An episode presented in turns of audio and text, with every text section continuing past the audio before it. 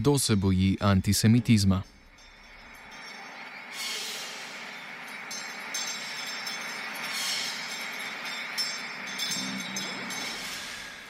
Ko je bil prejšnji teden v Berlinu napaden moški, ki je nosil judovsko pokrivalo kipo, je Nemčija zarjovela. Kanclerka Angela Merkel je napovedala vojno antisemitizmu, v več nemških mestih so se državljani podali na ulice in protestirali po rastu zločinov usmerjenih proti judom. Da se v Evropi in Združenih državah Amerike pojavlja vedno več antisemitizma, piše praktično vsak medij.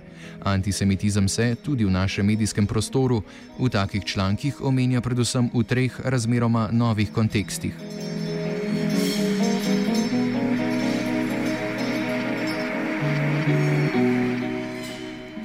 Prvi, morda najbolj odmeven od teh, so obtožbe o gorečem antisemitizmu, ki naj bi bilo ugrajeno v laboristično stranko Jeremija Corbina v Združenem kraljestvu. Za analizo je ta tip obtožb skoraj da dolgočasen, saj so dokazi zanj v veliki meri napihnjeni, predvsem pa je za njegovo razumevanje slovenski medijski prostor precej irrelevanten.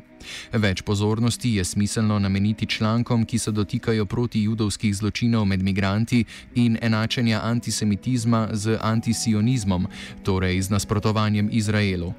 Pri tem je smiselno povdariti, da se v zadnjem času o antisemitizmu na skrajni desnici skoraj da ne poroča.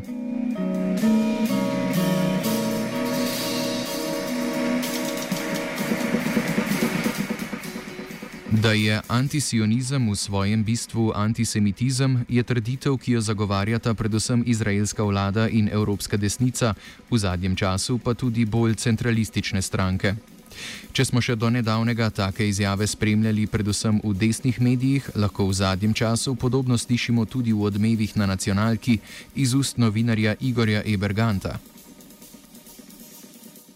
Če se v zadnjem vprašanju pa obrnem na nekakšen sodobni antisemitizem, ki ga tudi v Slovenijo uvažamo, tako pravijo nekateri od drugot, skrajne desnice, ki, ki je antijudovska uh, nastrojena, pa recimo dela sodobne levice, ki predvsem v nasprotovanju Izraelu uh, gradi nek antisemitizem, pa seveda recimo tudi skrajne islamistične uh, ideologije. Koliko je antisemitizma v Sloveniji zdaj? V isti oddaji smo, ironično, lahko spremljali tudi prispevek o slovenskem priznanju Palestine, kar je verjetno bolj dokaz trhlosti pomena takega priznanja, kot pa prisotnosti antisemitizma v javni radio-televizijski hiši.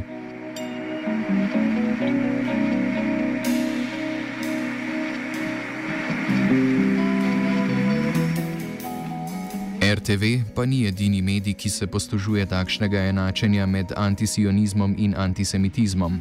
Podpredsednik judovske skupnosti Slovenije Igor Vojtič je pred kratkim v intervjuju za spletni portal Domovina zauzel podobno držo.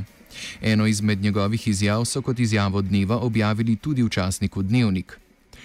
Dobivamo tudi izjave in grožnje v smislu, da nacisti niso dovolj dobro opravili svojega dela.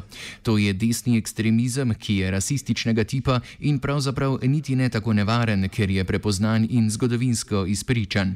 Skoraj nas bolj teži antisemitizem slovenske levice, ki ga je težje prepoznati, saj je zahrbten ter prepleten s politiko, naprimer pri vprašanju verskega zakola in priznanja palestinske države.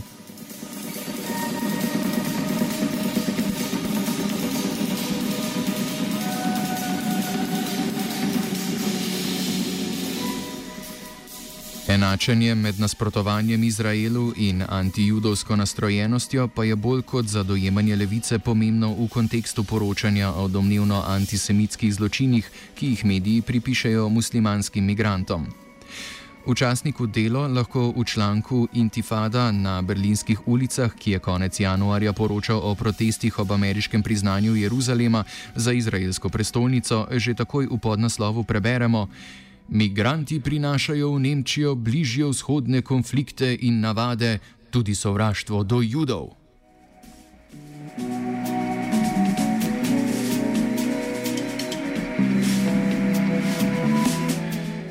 Dokaz za protijudovsko sovraštvo, ki naj bi bilo izraženo na teh protestih, avtorica v začetku članka vidi predvsem v zažiganju izraelske zastave. Ob tem nikjer v članku ni podatka, ki bi dokazoval, da so bili za zažiganje izraelskih zastav krivi migranti, niti podatka, da so migranti predstavljali večino protestnikov. Vse, kar izvemo, je, da so se nekateri od protestov zgodili v pretežno muslimanskem delu Berlina.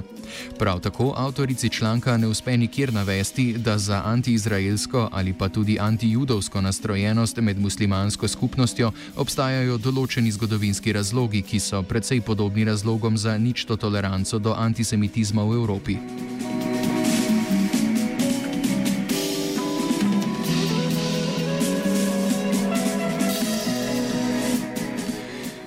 Razlog za muslimansko sovraštvo do judov vidi v njihovi drugačni socializaciji, kar je za otenek bolj prefinjena formulacija trditve, da je v samem islamu nekaj inherentno antisemitskega da je ta drugačna socializacija res problematična in neskladna z našimi vrednotami, izrazi tudi skrbjo za neštete.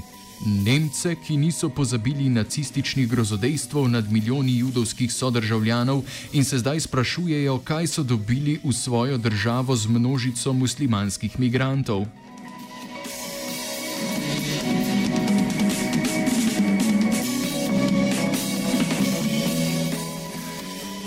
Avtorica članka pa ne pozabi niti na navajanje znanstvenih raziskav o antisemitizmu, ki ga znanstveno dokazano seboj prinašajo prišleki iz Sirije in Iraka. Na vprašanje, ali se jim zdi obstoj Izraela kaj slabega, je veliko vprašanih odgovorilo pritrdilno. Nekaj jih je zaradi holokausta celo hvalilo Adolfa Hitlerja.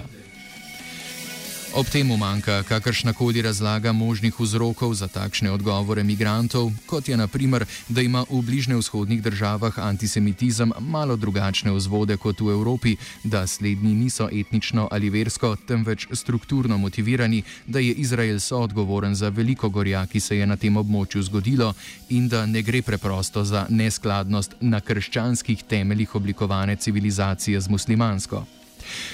Kot najbolj povedno je vredno izpostaviti avtoričino sugestivno sopostavljanje izjav, kot sta nasprotovanje Izraelu in hvalnica Hitlerju.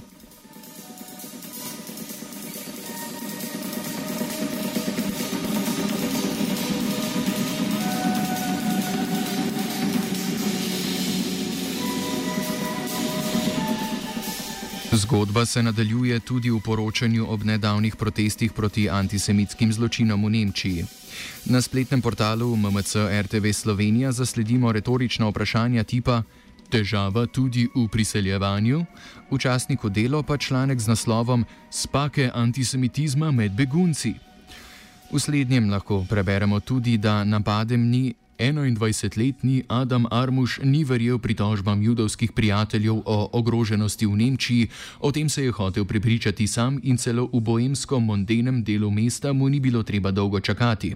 Kaj bi šele bilo, če bi se sprehajal s kipo v enem izmed predelov, v katerih prevladujejo migranti in muslimani?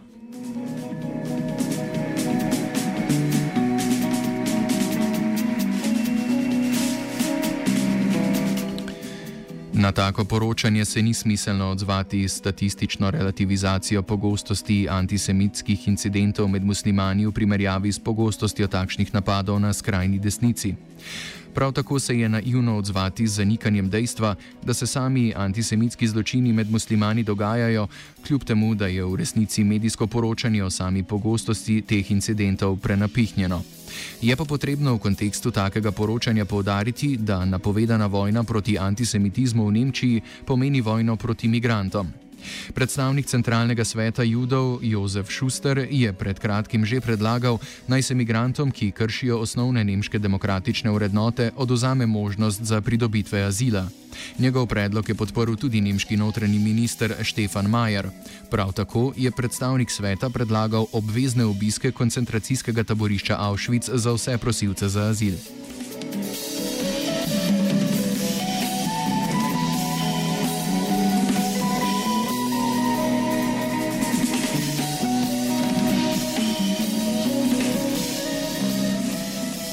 Dejstvo, da se tudi v našem medijskem prostoru pojavlja strah pred antisemitizmom, ki ga seboj prinašajo prišleki, je zanimivo, sploh ker pri nas judovska skupnost tako majhna. Strah pred antisemitizmom, ki ga žanjajo tudi naši osrednji časniki, ni zares strah pred tem, da se bo v Evropi ponovil holokaust, ni zares zaskrbljenost nad dobrobitjo judov v Sloveniji in Nemčiji. Antisemitizem predstavlja izključno vlogo absolutnega zla, ki ga ne more zanikati nobena politična opcija. Proti migrantom usmerjeni in islamofobični politiki daje naboj, ki sega onkraj desnice, saj ne gre pri antisemitizmu vendar za ultimativni greh, za katerega v naši, to je evropski kulturi, ne bo tolerance. Pri tej netoleranci pa nismo zares netolerantni, le zauzemamo se za temeljne civiliz civilizacijske vrednote.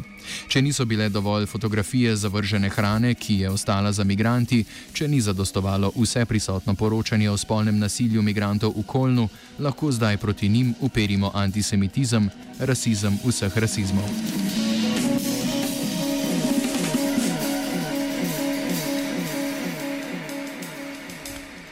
mentira la Yelana.